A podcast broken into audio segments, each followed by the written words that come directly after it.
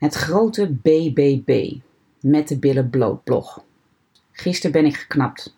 Of eigenlijk is mijn touwtje de afgelopen weken steeds een beetje meer geknapt en brak gisteren de laatste vezel. Ik was van plan, lees ik had mezelf opgelegd, jullie chronologisch mee te nemen naar de uitslag in Utah. Dit bleek vooral verlammend te werken. Wat er na de uitslag allemaal gebeurd is, gaat van de hoogste hoogtepunten tot behoorlijk diepe dalen. Ik weet de meeste tijd niet wie ik ben, wat ik kan en of ik in de zijk genomen word door mijn eigen brein of dat er een terechte waarschuwing van uitgaat. Een step back. Even een uitleg vooraf. Er zijn verschillende onderdelen van het brein die beschadigd kunnen zijn.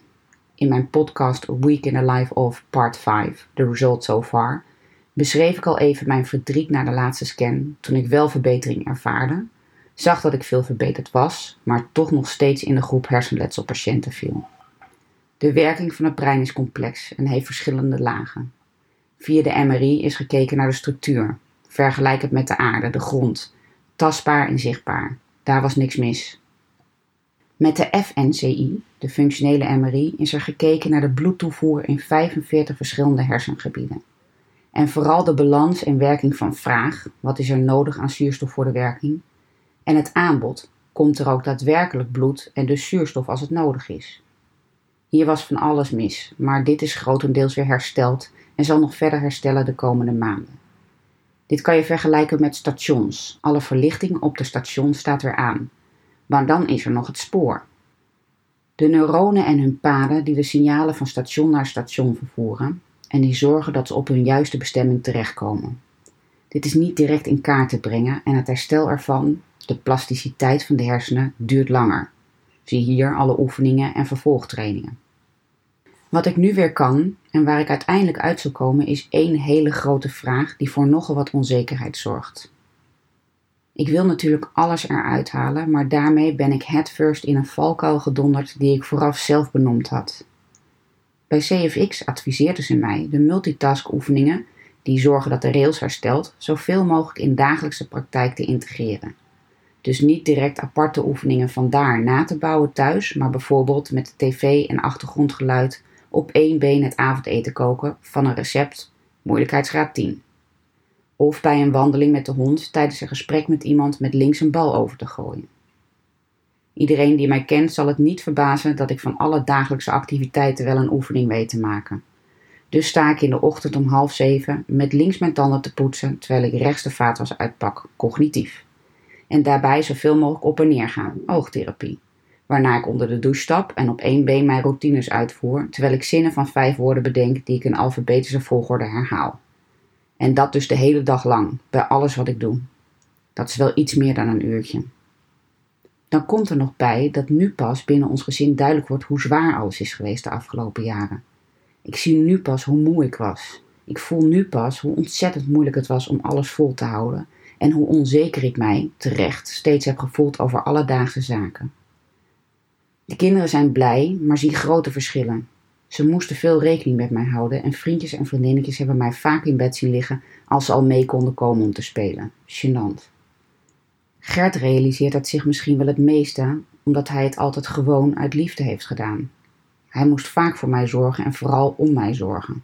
Paraat staan. Zelfs al deed ik wel het meeste huishouden, als je steeds moet helpen plannen en beschikbaar moet zijn voor regelmatige nood, die voor niet-NAH-mensen echt belachelijk overkomt, dan hakt het erin. En dat voel je pas als het niet meer hoeft. Daarbij heeft hij een maand omzet in zijn eigen bedrijf moeten opgeven om met mij mee te gaan. Dat is een enorm bedrag, wat niet in de crowdfunding zat, maar bijna hetzelfde is.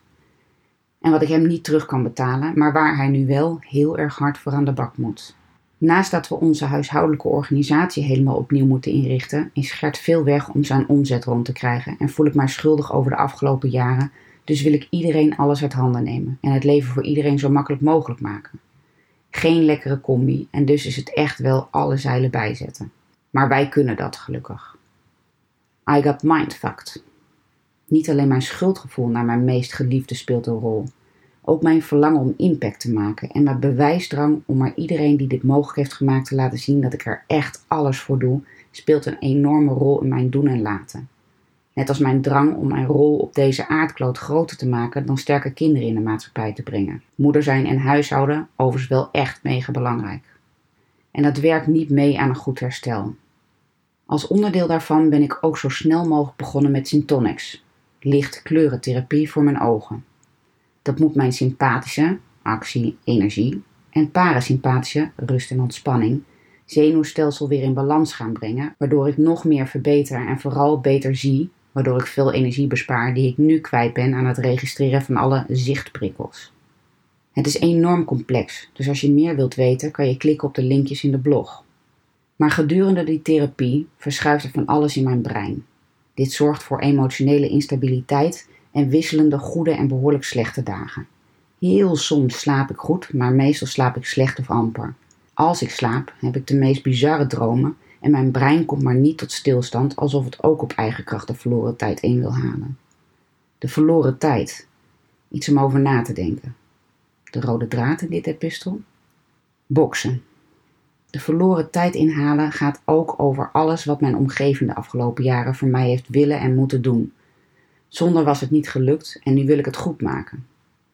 Naast dat ik weer meer kan, waar ik echt onbeschrijfelijk blij mee ben, verschuift er ook alles in de organisatie van ons leven. En dat is boksen in hoofdletters. Zeker met noodzaak, een dosis schuldgevoel en een poging tot goedmaken van verloren tijd in het recept. Verloren tijd kan je namelijk niet goed maken. Verloren tijd komt nooit meer terug. Bovendien heeft schuldgevoel geen doel. Alleen maar de nare bijwerking dat je niet meer kunt luisteren naar wat anderen werkelijk zeggen. Maar de organisatie moet wel veranderen. Alleen ben ik nu nog onbetrouwbaar. Doordat ik soms dingen niet kan waarvan ik dacht dat het ging. Of dingen wel kan waarvan ik dacht dat het niet kon. En dan denken ik en iedereen dat het altijd wel weer zal kunnen. Not omdat ik zo graag wil. Omdat veranderingen tijd kosten en nieuwe organisaties zich moet vormen. Omdat ik er nog niet ben. Ik ben nog onbetrouwbaar in mijn belastbaarheid en probeer daar maar eens een organisatie van je gezin op vorm te geven. Emoties. Tja, emoties. Pff, breek maar de bek niet los. Daar word je toch doodmoe van? Door de lichttherapie en de lastige nachten is er even geen pijl op te trekken. Het is nu twee uur na eerste kerstdag en ik zit hier te tikken terwijl ik vanmiddag helemaal beroerd was. Maar slapen, ho maar. Dat helpt niet bij een brein wat in balans aan het komen is. Waarbij een deel van mijn brein, wat alle hormonen, lees, emoties en frustraties en hypo's aanstuurt, een nieuwe balans en organisatie aan het creëren is. Dus ik ben ineens prikkelbaar, of impulsief, of jankerig, of heel zielig, of krachtig strijdbaar, maar dan net even iets te. Ik weet mijn bronnen aan te boren en vraag en onderzoeken wanneer ik maar een vraag kan bedenken, dus ik weet dat het er allemaal bij hoort. Dagelijks, praktisch gezien, is het alleen best lastig. En met dit allemaal, met de billen bloot delen, voelt het heel ondankbaar. Het is alleen juist wel dankbaar. Zonder alle hulp die ik heb gekregen had ik nooit één kans gehad om dit door te maken. Was het geen optie om te hopen op verbetering of nuttig zijn in de maatschappij? Was het kansloos om impact te willen maken en kon ik geen enkel verlangen voelen anders dan mij niet steeds zo ontzettend beroerd voelen? Juist het simpele feit dat ik al deze dingen nu even enorm pijnlijk complex zijn, is bewijs dat er ruimte is gekomen voor een toekomst en kwaliteit van leven. Dus ik ben blij dat ik een auto mis, blij dat ik moet boksen voor mijn plekje, dankbaar dat ik de verloren tijd mag rouwen, euforisch dat ik ineens weer weet hoe koken moet en ik er meestal genoeg energie voor heb. Dat ik die kut weekboodschappen weer alleen kan doen en onderzoek ik alles wat er in mij gebeurt met zachtheid en vriendelijkheid voor het proces. Oké, niet altijd, maar ik probeer het wel. Ik ben er nog. Ik heb een nieuwe kans. Ik kan nog lang niet altijd mijn aanknop vinden. Ik werk te hard. Ik leer, ik onderzoek. Ik research, ik doe en ik faal. Soms ook echt in hoofdletters. Ik ben euforisch en ik jank. Het zal wel een tijdje duren. En wat het eindstation is, dat moet ik loslaten tot de conducteur het mij laat weten. Ik moet loslaten. Mijn verlangens en verwachtingen moeten geduld hebben. De mening van mijn omgeving moet niet uitmaken als het proces erdoor wordt verstoord. Ik heb recht op rust, op slechte dagen, op vertrouwen en op begrip. Zelfs als ik dat even niet zou krijgen. Dus vraag mij gerust hoe het nu gaat.